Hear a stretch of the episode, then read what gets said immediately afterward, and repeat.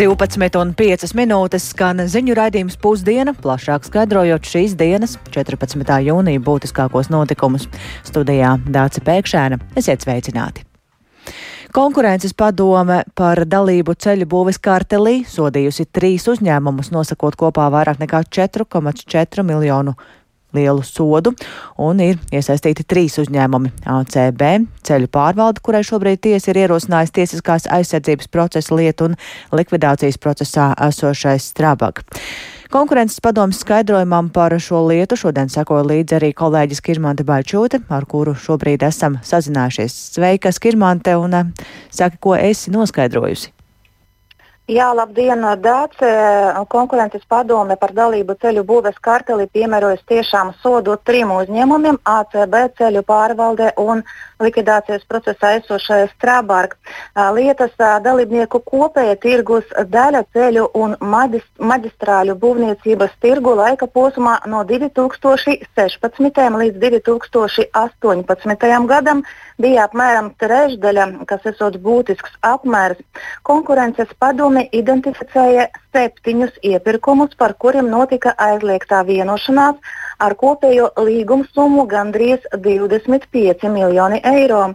Kopumā tika pārbaudīti seši uzņēmumi, bet pierādījumi par dalību kartelī tika iegūti tikai attiecībā uz trim ACB ceļu pārvaldi, kā jau minēts, un Strabag. Katram no tiem tika piemērots procentuāls soda apmērs, ņemot vērā apgrozījumu un pārkāpuma apstākļus. To skaidro konkurences padomes aizliegtu vienošanas departamenta direktore Ieva Šmite. Mēs ņemam vērā gan pārkāpumu kvalifikāciju, smagumu, periodu, katra iesaistītā tirgus dalībnieka arī lomu šajā pārkāpumā.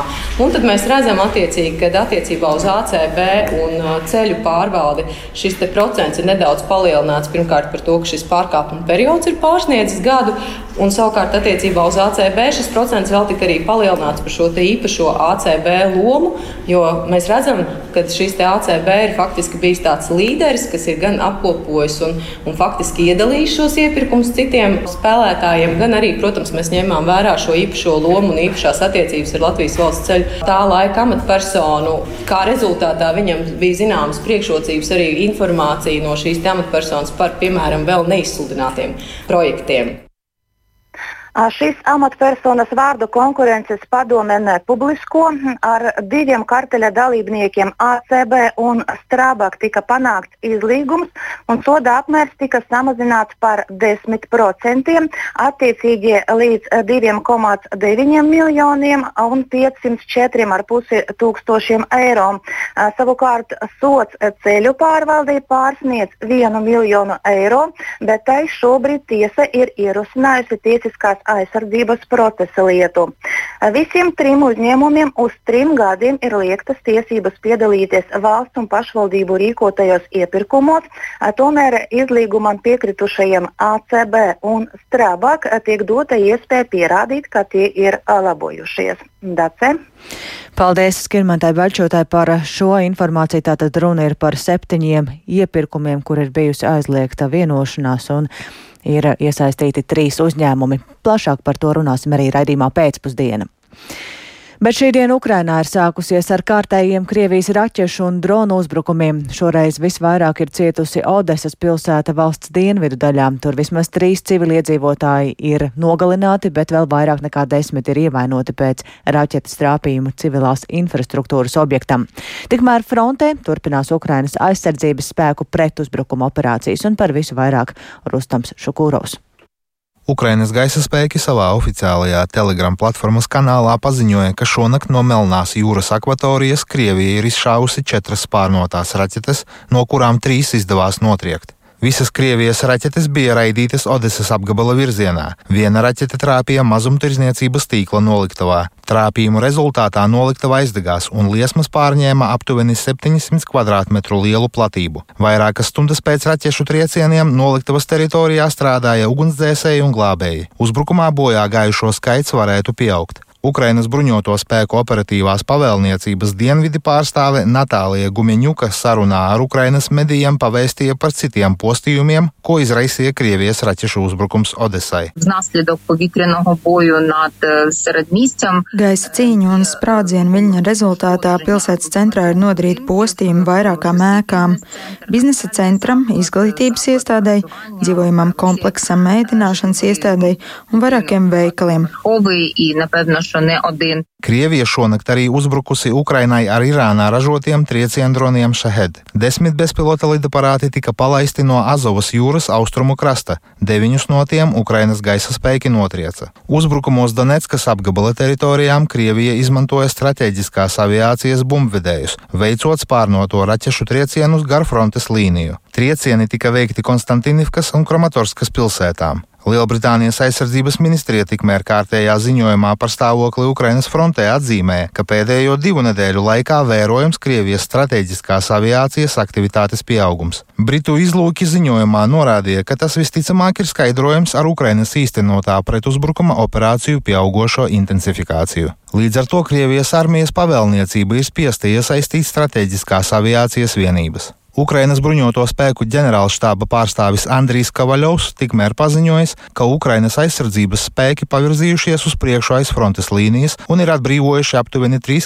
km no iepriekš okupētajām teritorijām Ukrainas dienvidaustrumos. Rustams Šukurovs, Latvijas Rādio. Tik tālu par notikumiem Ukrainā, bet pieminot vairāk nekā 15 tūkstošus Latvijas pilsoņu, ko padomju okupācijas režīms izsūtīja uz Sibīriju, šodien daudz viet Latvijā norisinās piemiņas pasākumi, un viens no tiem Rīgā pie padomju okupācijas upuru piemiņas memoriāla vēstures taktīla. Tur valsts augstākās amatpersonas, Latvijas politiski represēto apvienību un arī citi cilvēki šobrīd ir devušies nolikt ziedus, godinot upuru piemiņu, un lai uzzinātu Vairāk par šo pasākumu un arī citiem esam šajā brīdī sazinājušies ar kolēģi Agniju Lazdeņu, kura šobrīd tur atrodas. Sveika, Agnija, vai pasākums jau ir sācies? Labdien! Jā, pasākums nu pat kā ir sācies, un uh, sākotnēji uzrunu teica Latvijas politiski reprezentēta apvienības priekšsēdētāja vietnieks Pēters Simpsons, un pēc viņa uzrunas tika ieturēts neliels klusuma brīdis. Šobrīd uzrunu saka valsts prezidents Egils Levits, un pēc tam notiks ziedu pasniegšana, ko varēs darīt gan reprezentētie biedri, gan arī šīs amatpersonas, tāpat arī visi pārējie cilvēki, kas šeit ir ieradušies. Un jāsaka godīgi, ka cilvēku skaits ir diezgan liels, kas ir atnākuši godināt savu piemiņu. Taču Jā, un pēc eh, šī pasākuma turpināsies ikgadējais gājiens no Latvijas okupācijas muzeja uz brīvības pieminekli, ko pavadīs vīru kopa vilki. Taču, kā jau tu minēji, šis nav vienīgais pasākums. Tāda notiek visu dienas garumā, un ne tikai Rīgā, bet arī citiet Latvijā. Un jau pūkstens desmitos šķirotavas dzelzceļa stacijā un vēlāk pūkstens 15. Torņkalna dzelzceļa stacijā norisināsies piemiņas brīži, kuros abos eh, piedalās politiski represēto biedrību biedri un kur dalās ar saviem šiem atmiņu stāstiem un arī var godināt piemiņu, arī noliekot ziedus. Tāpat arī Rīgas Svētā Jāņa baznīcā būs bezmaksas koncerts. Um, kurā uzstāsies Latvijas radio koris. Un, un, uh, un tāpat koncerts notiks arī Mazajā ģildē un Rīgas domā.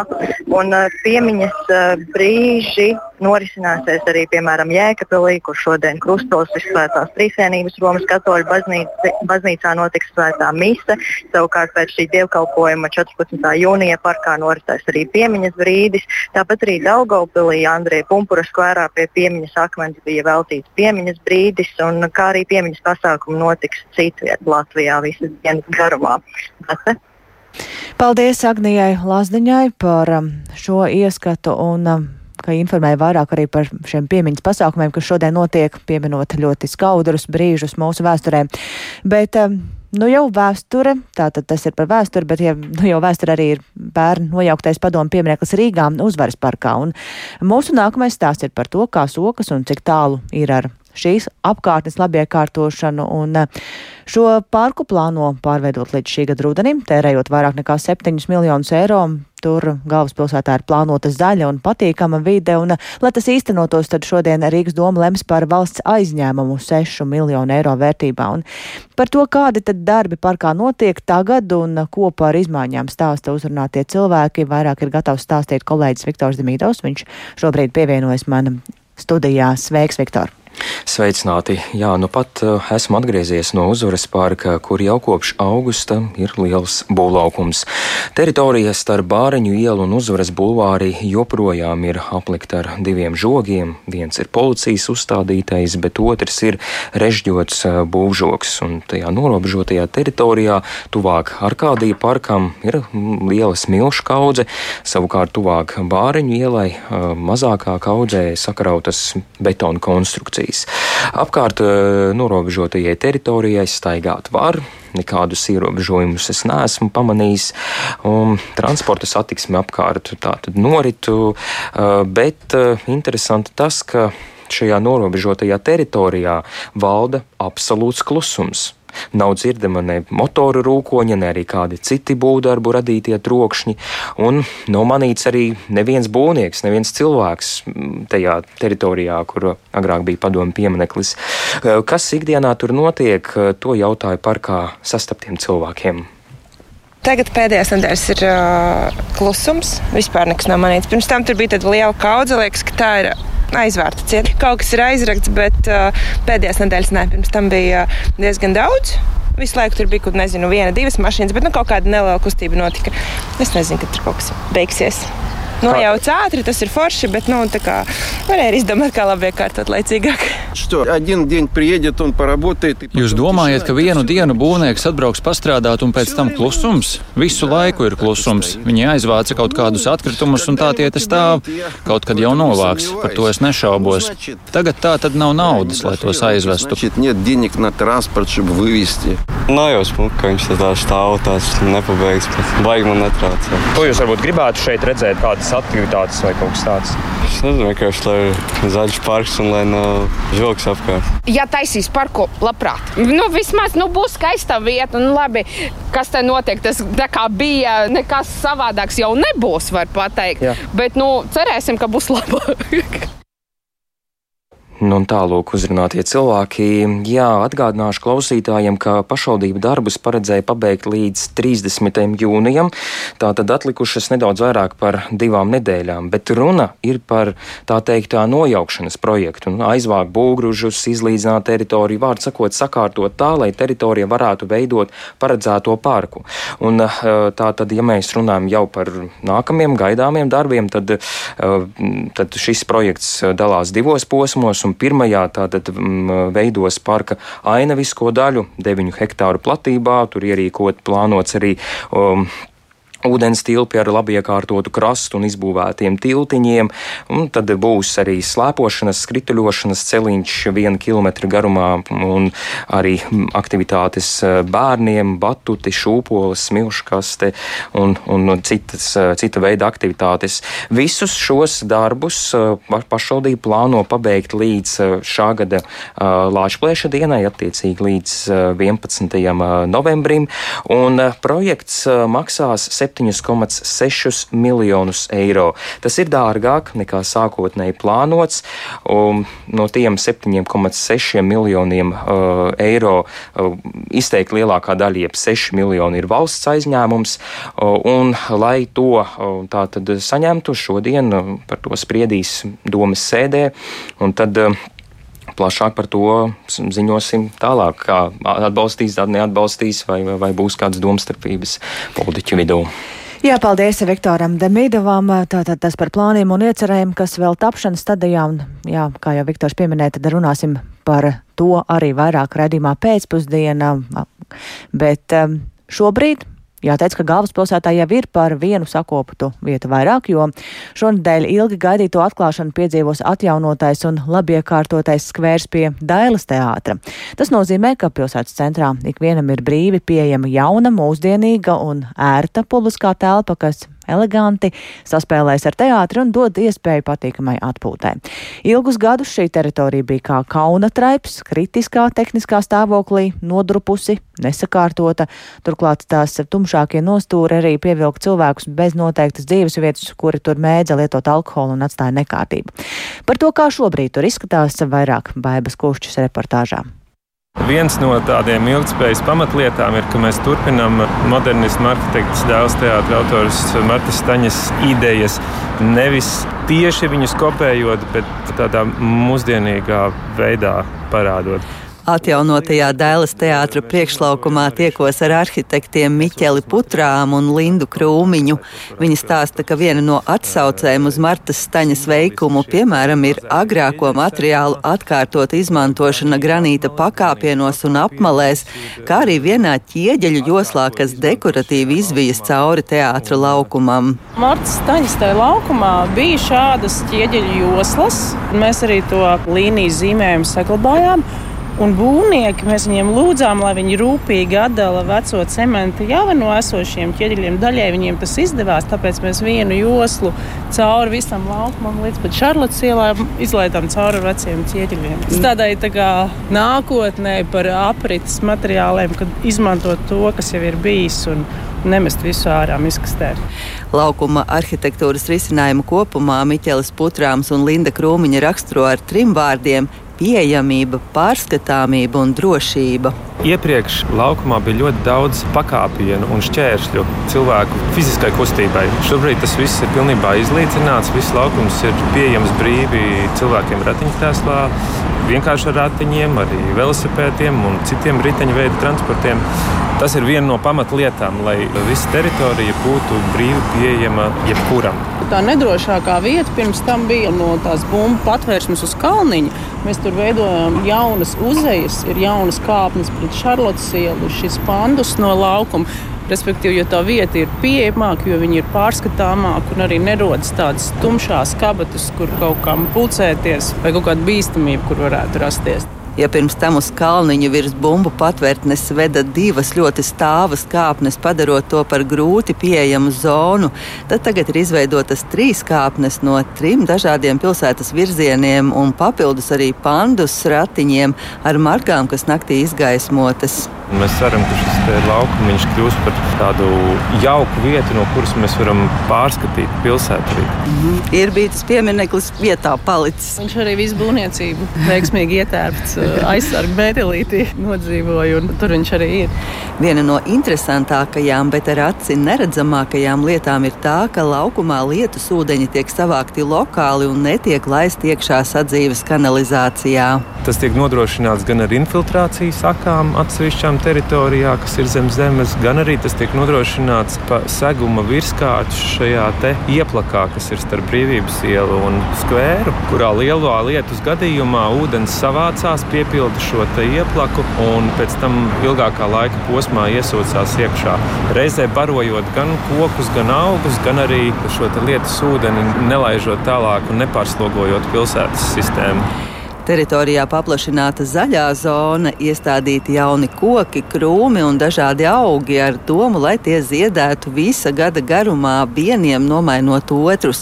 Jauni stādījumi redzami arī pašā teātra priekšlaukumā, kas tagad atbrīvots no automašīnām. Tajā cietajā segumā mums ir Lamarkas, Korintas un Bērzi. Un mums arī likās svarīgi, ja mēs atbrīvojam no automašīnām priekšlaukumu, tad iedot kaut kam vairāk, nevis tikai laukumam, kā iestādīt tos kokus. Tas arī nebija pavisam vienkāršs uzdevums, jo domas dalījās, vai mēs drīkstam modernismu piemineklim kaut ko stādīt priekšā, bet nu, ar īpašu argumentāciju un tādu ticību, ka kokus pilsētā vajag iestādīt, tas mums izdevās. Un neizaugs šie jau neizaugs lielu un nenoēnos dāzes teātru, un teātris nepazudīs. Labiekārtojumam izvēlētas ilgmūžīgas Norvēģijā ražotas ārā mēbeles, kam ir mūža garantija pret koroziju. Laukums oficiāli tiek atklāts šonadēļ, bet apmeklētājiem tas jau ir vaļā vērts un pieejams. Baiba Kušķe, Latvijas radio. Un vēl asins donoru skaits palielinās, bet palielinās arī pieprasījums pēc asinīm. Tā šodien starptautiskajā asins donoru dienā, kurai uzmanība pirmoreiz Latvijā ir pievērsta visas nedēļas garumā, sacīja valsts asins donoru centra direktore Egita Poli. Un um, šajā brīdī varam paklausīties viņas sacīto programmai Labrīt kolēģiem Ārtai Skujai un Laurim Zvejniekam asins donoru kustība ir ar katru gadu augoša. Mēs par to ļoti priecājamies un tādēļ sakām arī paldies mūsu asins donoriem, jo neskatoties uz pandēmiju, asins donori pie mums turpināja nākt un mēs ar katru gadu pēdējo trīs gadu laikā šo asins donoru skaitu palielinām. Bet nu, jāatzīst arī šī ēnas puse, jo slimnīcās arvien pieaug vajadzība pēc donoru asinīm. Tātad mēs redzam, ka mums ir pietiekami daudz sirdzēju, kuriem asins pārliešana ir vajadzīga. Līdz ar to arī donori mums ir vajadzīgi ar vien vairāk. Kā šai visā palīdz jaunu asins uh, ziedošanas vietu ieviešana, nu, piemēram, galvaspilsētā tā tas ir noticis. Tas, protams, palīdz, tas palīdz pievērst uzmanību, un mūsu mērķis arī ir tuvāk donoriem ar jaunām ziedošanas vietām, kā saktas donoru pieņemšanas vieta, ko tikko atvērām mājas sākumā. Mums būs arī jūlijā vēl viens priecīgs notikums. Mēs sagaidīsim jaunu donoru mobīlo autobusu, kas arī ļoti patīk donoriem, un šis būs pavisam zaļš un uh, elektrisks, un mēs ceram, ka tādajādi mēs varēsim vēl aktīvāk aizbraukt tur, kur donoriem ir ērtāk mūs satikt. Tādas eh, kampaņas, kā piemēram daudzināt jaunu, vidēji saudzīgu autobusu, tas arī ir tāds palīdzīgs brīdis, kā piesaistīt jaunus donors, varbūt kā piesaistīt jauniešus. Jā, neapšaubām mēs ceram, ka tas palīdzēs piesaistīt, un arī savādāk mēs domājam, kā uzrunāt tieši jaunus cilvēkus. Un arī šajā pasaules asins donoru dienā tieši moto ir nodod asinis, dalies ar dzīvību. Bet šāda asins donoru nedēļa tā palīdz piesaistīt asins donorus nākt gan šajā nedēļā, gan piesaistīt jaunus. Jā, nu, protams, visas publiskās aktivitātes palīdz piesaistīt uzmanību un palīdz mums popularizēt donoru kustību un arī tādējādi piesaistīt jaunus cilvēkus. Un it īpaši šī pasaules asins donoru dienā iekrīt pirms Jāņa laikā, kad mēs vienmēr arī vēršamies pie sabiedrības, lai uzsvērtu, ka tuvojas brīvdienas, un, diemžēl, brīvdienās mēdz notikt arī negadījumi, un mums ir jābūt gataviem ar asins krājumiem, arī lai mēs varētu droši palīdzēt, ja tāda nepieciešamība būs radusies. Tā asins donoru centra direktore Egita Pole. Un tātad šodien asins donoru diena, bet pasākumi ir visas nedēļas garumā. Un ar to izskan raidījums pusdiena producente Ilze Aginta, ierakstus montēja Uldis Grīnbergs par labskaņu rūpējās Kārlis Rašmanis un ar jums sarunājās Dāce Pēkšēna. Vēl īsi par būtiskāko tātad konkurences padome par dalību ceļu būves kartelī ir piemērojusi sodu trim uzņēmumiem, un šobrīd arī zināms, ka Latvijas valsts ceļi vērsīsies ar zaudējumu piedziņu pret konkurences padomes konstatētā ceļu būves karteļa dalībniekiem. Precīzas summas par kurām centrs vēstīsies par pieziņu, vēl būs zināms, ka uzņēmums iepazīsies ar pilnu konkurences padomas lēmumu. Un te ir jāpiebilst arī tas, ka Latvijas valsts ceļi ir viens no lielākajiem ceļu būvdarbu pasūtītājiem un cieši sadarbojas ar iepirkuma uzraudzības biroju. Um, Arī konkurences padomes um, sodītais uzņēmums ACB ir jau paziņojis aģentūrē Leta, ka strādās pie uzņēmuma uzticamības atjaunošanas. Tas par šīs dienas galveno ziņu, bet um, vēl par citām lietām. Tad um, ilgi gaidīto oficiālo atklāšanu šonadēļ ir piedzīvos atjaunotais skvērs Rīgas centrā pie Dēls teātra. Un pieminot komunistiskā genocīda upurus, daudz viet notiek piemiņas brīži. Ēterā mēs tiekamies atkal rīt, bet mūsu raidījums kā ierasts ir klausāms arī Latvijas radio mobilajā lietotnē, meklējot dienas ziņas un tāpat arī mūsu ziņas sabiedrisko mediju ziņu portālā LSMLV un arī sociālajos tīklos. Yeah.